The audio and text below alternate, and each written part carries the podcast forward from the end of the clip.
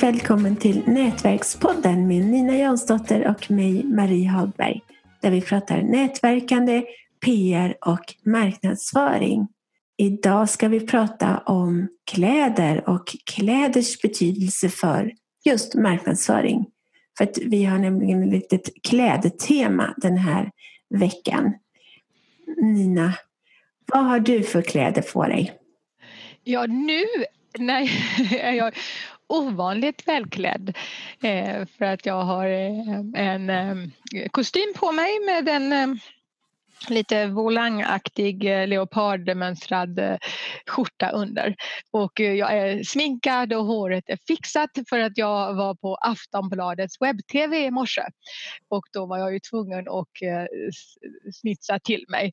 Men vanligtvis när vi poddar, du och jag Marie, så har jag ju alltid min rosa morgonrock på mig. För kommer jag undan att ha kostym och sådär så gör jag det gärna. Så privat är jag ju väldigt eh, mycket slacker med eh, fleecetröja, joggingkläder och mjukt och mysigt. Men mm. när jag jobbar i, i, när det är skarpt läge då, då är det oftast kostym. Ja, och svart ja. kostym antar jag. Ja, det är ju det jag gärna föredrar, svarta kläder. Men mm. eh, ofta vill de ju när man är i en tv-studio att man inte har svart på sig. Nej, verkligen jag, jag, Får jag fuska? fuska jag fuskar gärna. Men det är också det här med att eh, känna sig snygg och bekväm och eh, van i något plagg när man minglar och företräder sin business. Det är, jag gillar ju då att ha svart på mig men jag försöker piffa upp med någon annan färg också, lite grann rosa eller röd eller ja, någonting som eh, så det inte bara blir svart, svart, svart. Nej, det är bra. Men jag hittade här att svart, det symboliserar eller det utstrålar makt auktoritet, styrka och stabilitet. Så det, är det är en vanlig färg i business-sammanhang och man smälter in. Liksom. Men då är det ju bra att ha någon annan eh, associar eller någonting med färg så det inte bara blir för mörkt. Men ja. det handlar ju också om att känna sig bekväm i någonting. Jag brukar kombinera, och jag har även de färgerna i min logotyp, men jag, mina favoritfärger det är svart och det är rosa. Mm. Och, och jag, tycker, jag läste på det, jag tycker det var en väldigt bra kombination när jag tittar, tittar på vad färger symboliserar. Rosa symboliserar omsorg, medkänsla, romantik och kärlek. Och jag har ju jobbat som datingcoach så jag tycker det var super, superbra. Jag hade ingen aning om detta. Nej, men det är intressant. Man kan ju se på färgens symbolik och det finns ju en del som är väldigt, eh, väldigt välmatchade. Jag har sett att en, någon som var på mingel och hade liksom någon scarf i färger som och räckte fram sitt visitkort och så var det liksom precis där färger harmoniserat. Och sånt. Ja, en del är otroligt genomtänkta när det, när det gäller sitt budskap. Mm. Och det, då kan jag bli jätteimponerad för att så, så tänker inte jag eh, på den nivån. Men när jag ser det så kan jag tycka wow, det blev bra. Ja, men jag var faktiskt så tryckt upp visitkort eller någonting sånt där äh, vid ett tillfälle. Och, och då är de svarta och rosa och vita. Och sen så eh, då lade faktiskt tryckaren märke till att jag hade en svart mössa med en liten rosa grej på och svart kappa och sen så en rosa halsduk och skorna var kanske också något, no liknande. Så jag hade lyckats liksom matcha allting. Men jag tycker det var intressant att han som var en tryckare, han, liksom, han lade märke till det att jag var koordinerad med mina visitkort.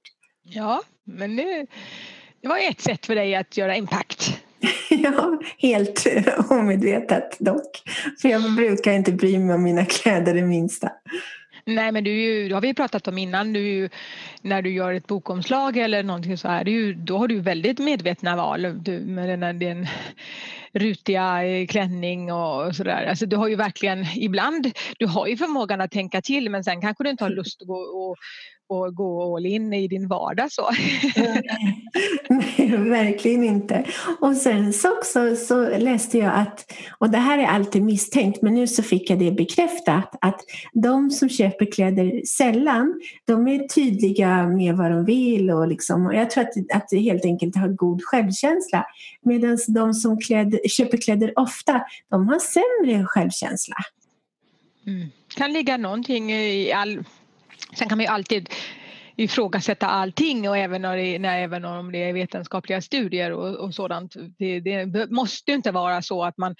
Det kan ju vara att man, är, man har ett väldigt intresse av att byta färger och kombinationer också men jag tänker att, att det kan vara jag vill själv gå åt det hållet att inte köpa spontanköp eh, utan istället liksom köpa liksom dyrare eller i alla fall mer medvetna plagg som jag vet att jag kommer att använda under längre tid hellre än att, eh, att eh, shoppa bara för att någonting är på rea. För att jag vet ju med mig att många av de spontanplaggen använder jag aldrig medan en del av de som jag, plagg som jag verkligen har valt ut med omsorg har jag kunnat ha under, under många år och känna mig bekväm och klädd i. Ja, och jag är så ointresserad av att köpa kläder så att det, det hänger på Men det. Desto mer ointresserad man är, desto om man då gör, köper några medvetna plagg någon gång ibland så måste man ju inte hålla på och, och ha det som intresse, springa och glo i affärer.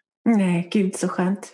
Det är jättebra. Men, men i min roll som, som karriärcoach då får jag jätteofta frågan vad man ska ha på sig på anställningsintervjuer och sådant. Det är också en situation när man vill sälja in sig och eh, då, då tycker jag att det är viktigt att man eh, matchar det sammanhanget som man ska till och det gäller alla typer av mingel och, och sådant. Att, att man eh, hittar någon slags, eh, vad är det för dresscode i de sammanhangen jag tänker röra mig och är det då på ett företag att man eh, jag kanske kollar upp läget då innan, vad för typ av kläder och sådär. Men i, i i många sammanhang är det ju, till exempel när man ska sälja in sig själv, så är det ju bättre att vara lite för uppklädd än tvärtom. För att är det så att du har kavaj och, och, och så som man eller som kvinna och då kan man ju alltid liksom plocka av sig kavajen eller eh, i värsta fall liksom slita av sig slipsen eller om man tycker att det knäppa upp lite om man tycker att det blev liksom för formellt. Men det är ju svårare då liksom att klä upp sig än, än tvärtom. Mm. Och kläder är ju så himla viktigt. Det, för det, är ju, det säger ju ändå en del om personen i fråga. Och kläderna, det, det är det här uttrycket som du är klädd så blir du hädd. Att om man ser ut som en slashas då blir i alla fall jag ser ofta ut som en slashas och då blir jag tyvärr även behandlad som en slashas. Ja. Ja, det är tur att du har självkänsla ändå. har man självkänsla, eh, desto högre självkänsla man har desto mer kan man liksom slashasa sig runt och ändå ha, göra det med någon slags värdighet faktiskt i och för sig. Jo, men det är ändå viktigt att tänka på det att, att vi blir bedömda vare sig vi vill det eller inte inom ett par sekunder, eh, om det ens är det. Jo men det är ju verkligheten och jag vet när jag läste sociologi för hundra år sedan så hade man, eh, det, var det någon eh, kursbok då och eh, där det var en undersökning i New York tror jag att det var att någon eh, man hade gjort eh, undersökningar om om någon ville, ville följa efter när någon gick mot rött ljus och så var det så en väldigt snygg, jag tror det var man, då, kom i kostym och såg väldigt businessaktig ut. Om han gick eh, liksom, när det var rött så var det fler som var benägna att följa efter, eh, också gå och bryta mot regeln och gå över rött ljus, än om det var någon liksom, som kom slapsigt klädd. Vad intressant. Ja, man får större förtroende för dem som ser... Tänker man så här, den personen har gjort ett val, han, han ser ut som att han vet vad han, han liksom kan ta ett beslut om det var säkert att gå över gatan eller inte.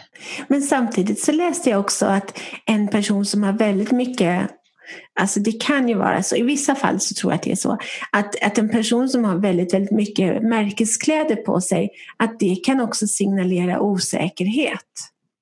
Att den måste köpa sig till en säkerhet som den egentligen inte har. Men det kan också vara signalera tvärtom att den personen är framgångsrik och har råd att köpa dyra saker. Så att jag tror man ska inte vara liksom det finns inte bara ett sätt att bedöma saker. Det kan ju också vara så att till exempel jag kan inte alls se mig själv att köpa, även om jag skulle kunna ha råd att köpa en eh, svindyr väska för jag har inte liksom Mm. men det finns ju de som har liksom väskintresse och skointresse också och har liksom sin grej. Då handlar det inte bara om att den personen då måste hävda sig genom en dyr väska. Så att det finns som beteendevetare är jag ändå lite försiktig med att kategorisera för hårt. Men visst, det kan ju vara så om, om du känner att du inte skulle kunna tänka dig att ha en billigare väska för att du skulle känna dig värdelös och du skulle tro att alla skulle tycka du var eh, inte framgångsrik eller bla bla bla. Om man har väldigt många sådana känslor och tankar då kan man ju ha nytta av att jobba med dem. Så att du är ju värdefull liksom med eller utan en dyr väska. Och du är ju ändå samma person när du kommer i din fleecetröja. Så att då får man än att jobba lite inåt med, med sin sjö. Men visst är det viktigt med, med grejer, att liksom se proper ut och i, i de här sammanhangen eh, man signalerar liksom att man är en i, i gamet.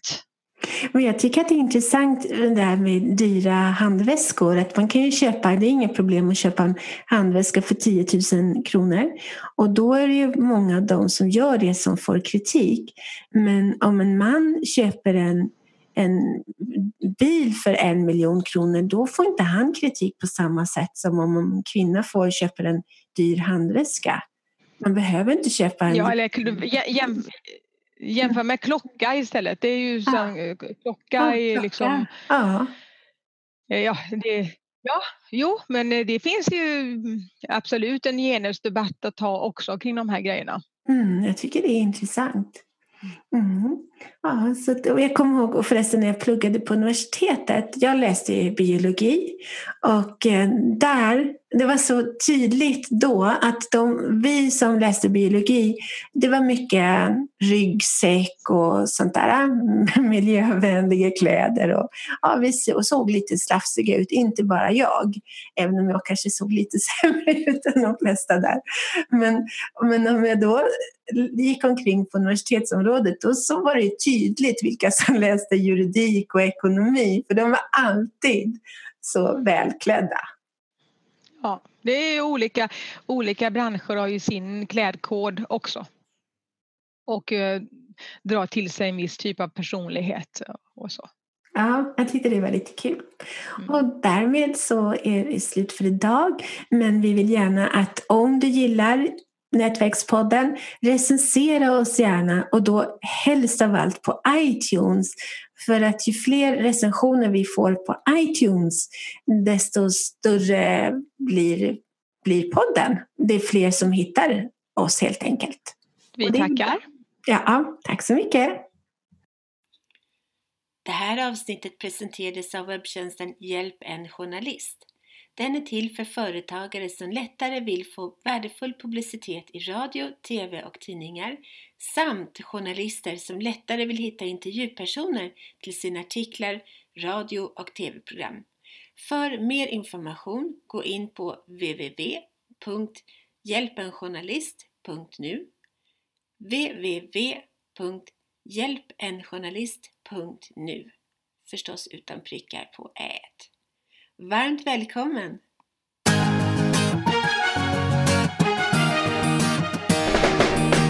Tack för att du har lyssnat på Nätverkspodden om nätverkande, PR och marknadsföring med Nina Jansdotter och Marie Hagberg.